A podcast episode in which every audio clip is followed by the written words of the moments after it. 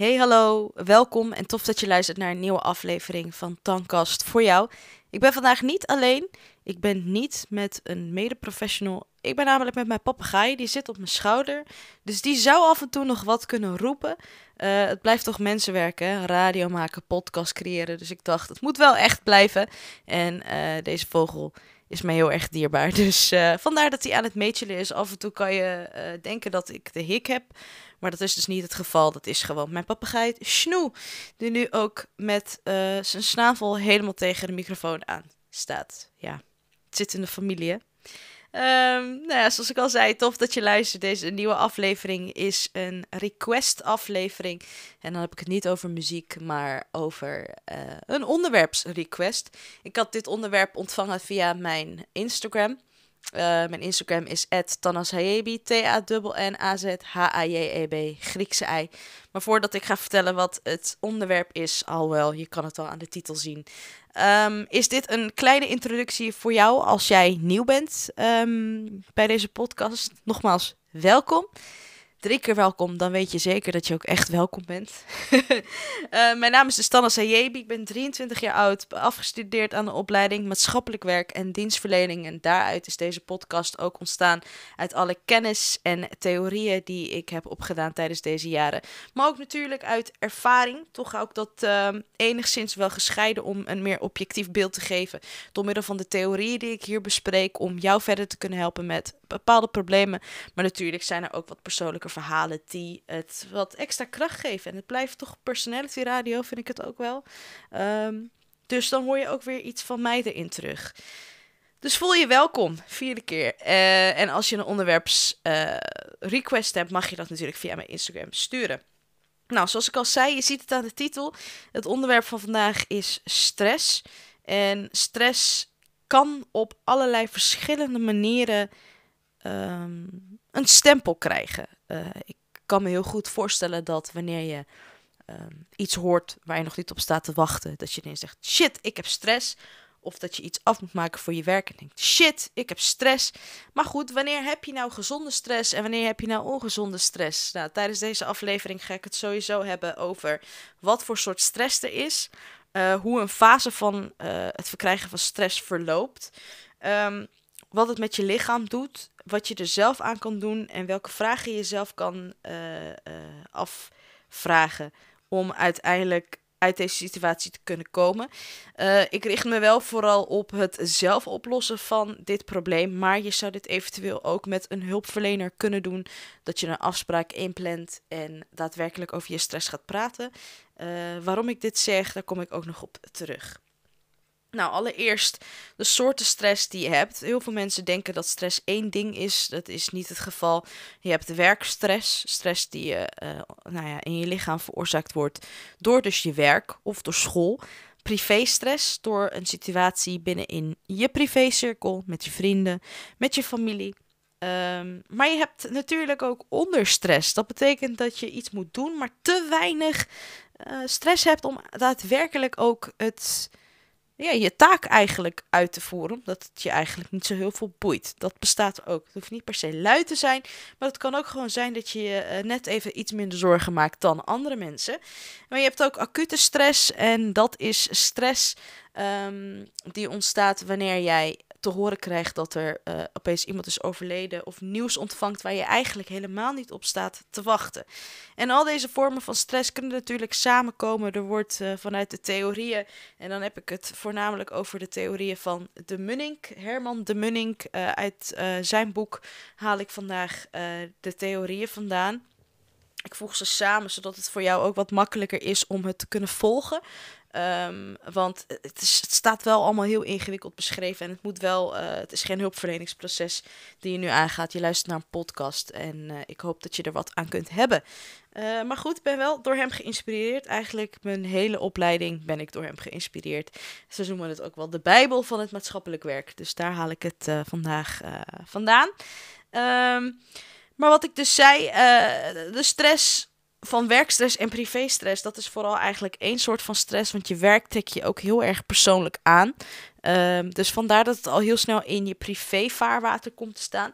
Maar dat is eigenlijk ook wel een teken dat wanneer het moment aanslaat dat jij uh, het over problemen gaat hebben die op je werk zijn ontstaan in je privéomgeving, dan weet je al dat dat een signaal kan zijn dat er eventuele stress is.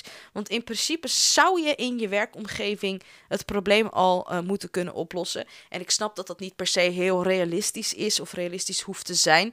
Want uh, je hebt natuurlijk ook je vrienden om over shit van uh, werk te praten. En ik zeg wel shit, uh, maar ook gewoon normale dingen. Daar kan je het ook over hebben. Maar wanneer maak je dat onderscheid dat het nou stress is of dat het gewoon een onderwerp is waar je het over hebt. En tot hoeverre wil je dat betrekken in je privé situatie?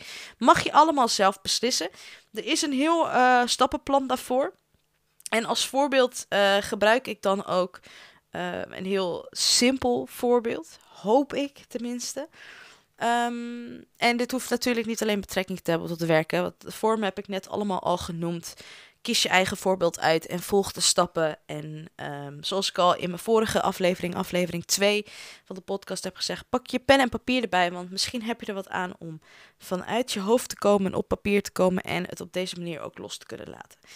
Nou, het eerste moment wanneer jij stress kan ontvangen is, neem aan dat je op school zit en je hebt een deadline. Uh, en die deadline is ineens morgen.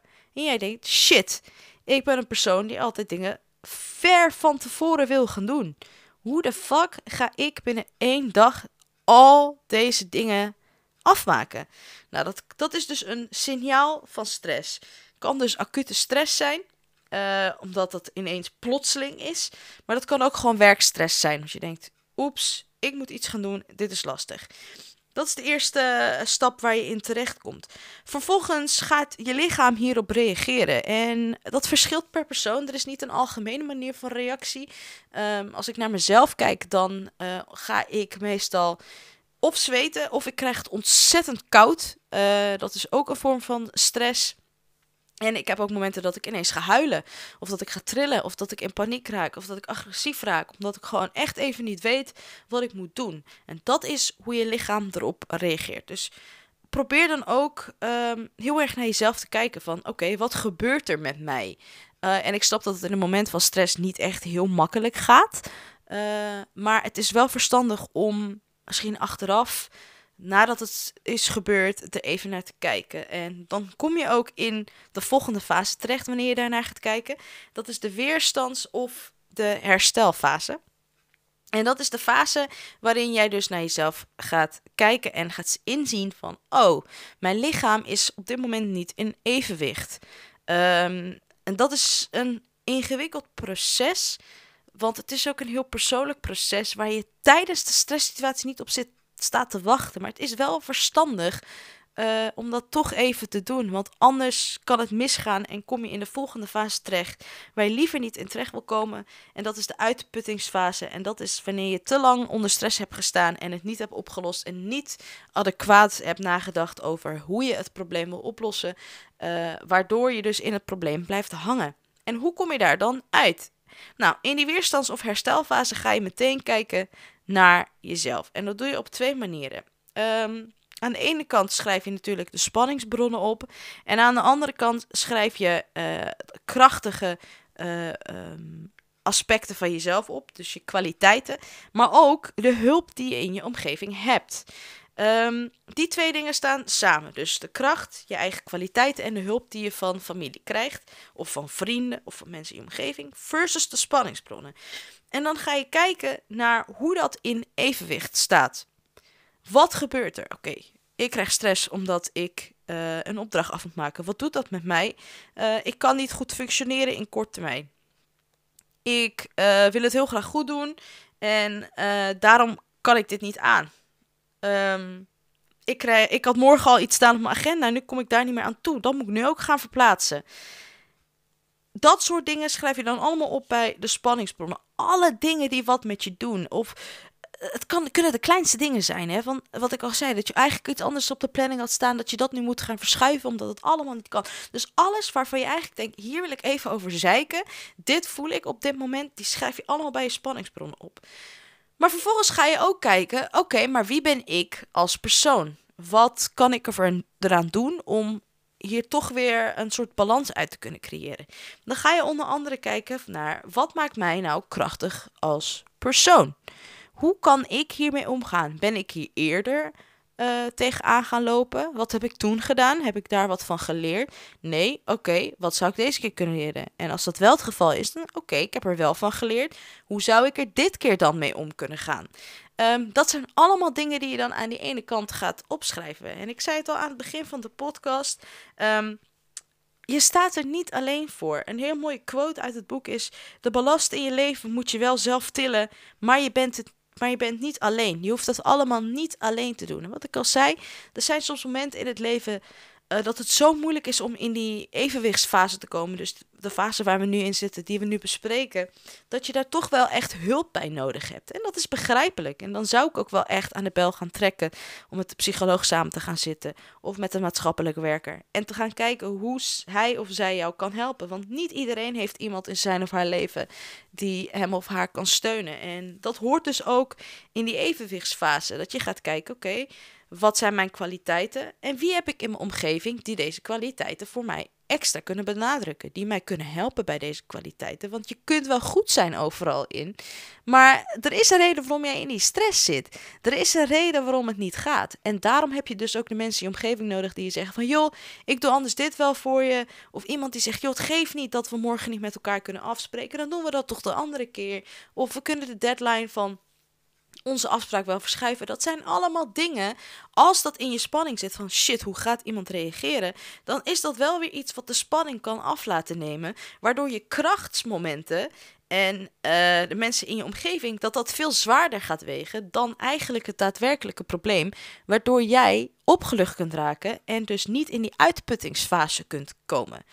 Uh, dat is één manier van het oplossen van het probleem. Dus daadwerkelijk het gaan afwegen kijken naar wat zijn de problemen, wat doet dat met mij, daar een lijst van maken en daar tegenover zetten. Maar waar ben ik goed in en hoe zou dit eventueel toch weer in balans kunnen raken en wie heb ik in mijn omgeving die mij hier daadwerkelijk bij kunnen helpen. En krijg je het idee dat het juist weer zo wordt: ik heb aan de krachtdingen gewerkt en ik zie dat niemand in mijn omgeving me helpt, dan gooi je dat ook bij de spanningsfase. En als je merkt dat je er voor een langere periode uh, alleen voor staat, laten we zeggen dat de deadline volgende week is en dat je een week lang uh, open staat gesteld tegen deze stress, maar de week daarop weer in een soort gelijke situatie terechtkomt waarvan je denkt: ik kan dit niet aan, ga dan alsjeblieft aan de bel trekken.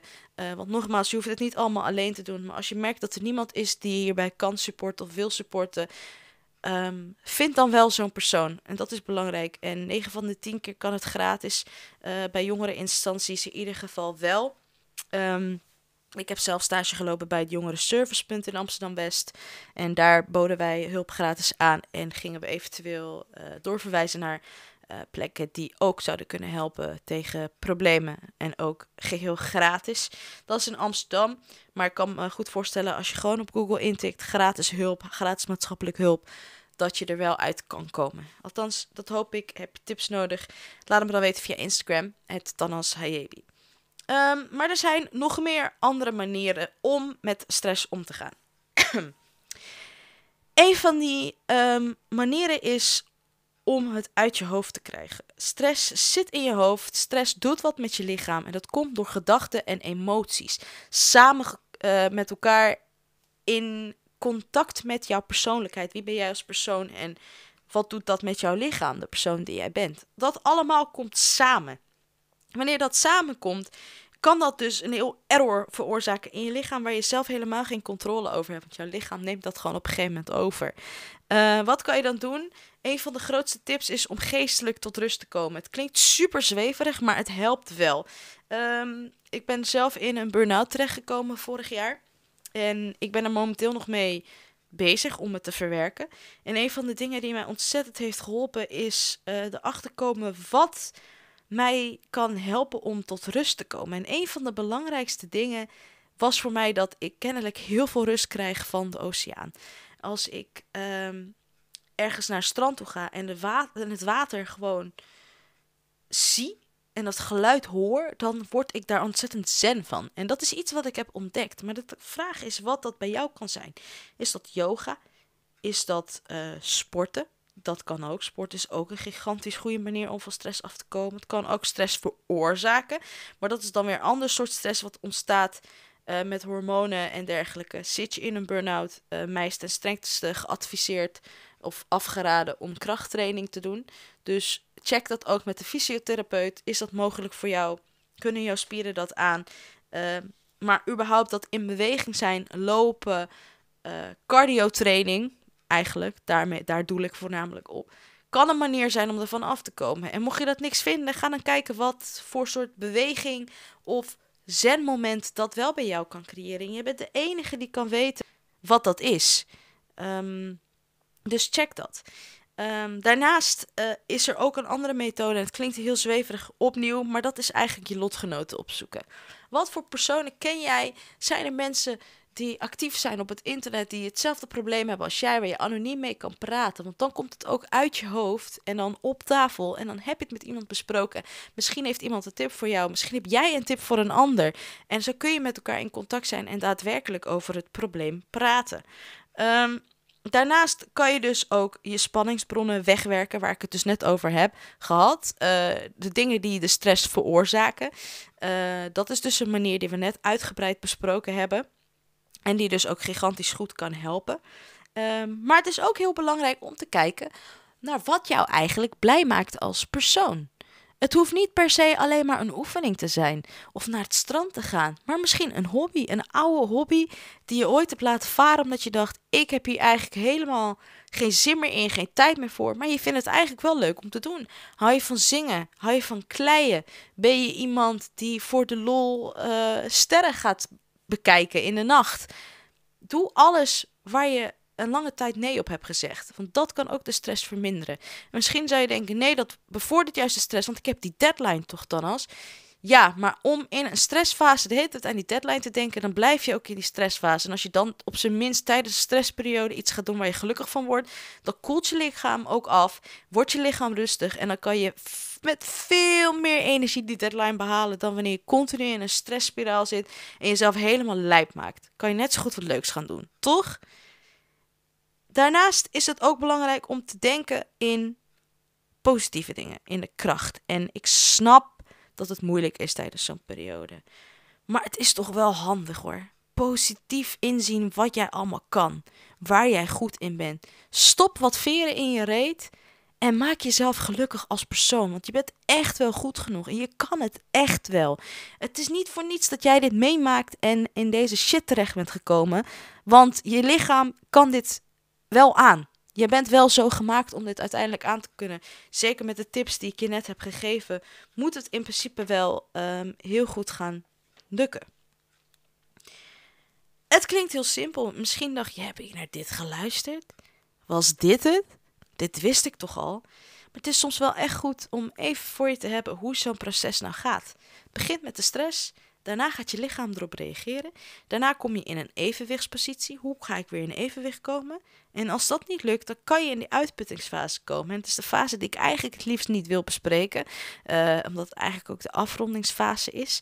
Uh, maar anderzijds uh, is het ook belangrijk, want misschien zit je wel in die fase en heb je daar nu behoefte aan om te horen wat je daarmee kan doen.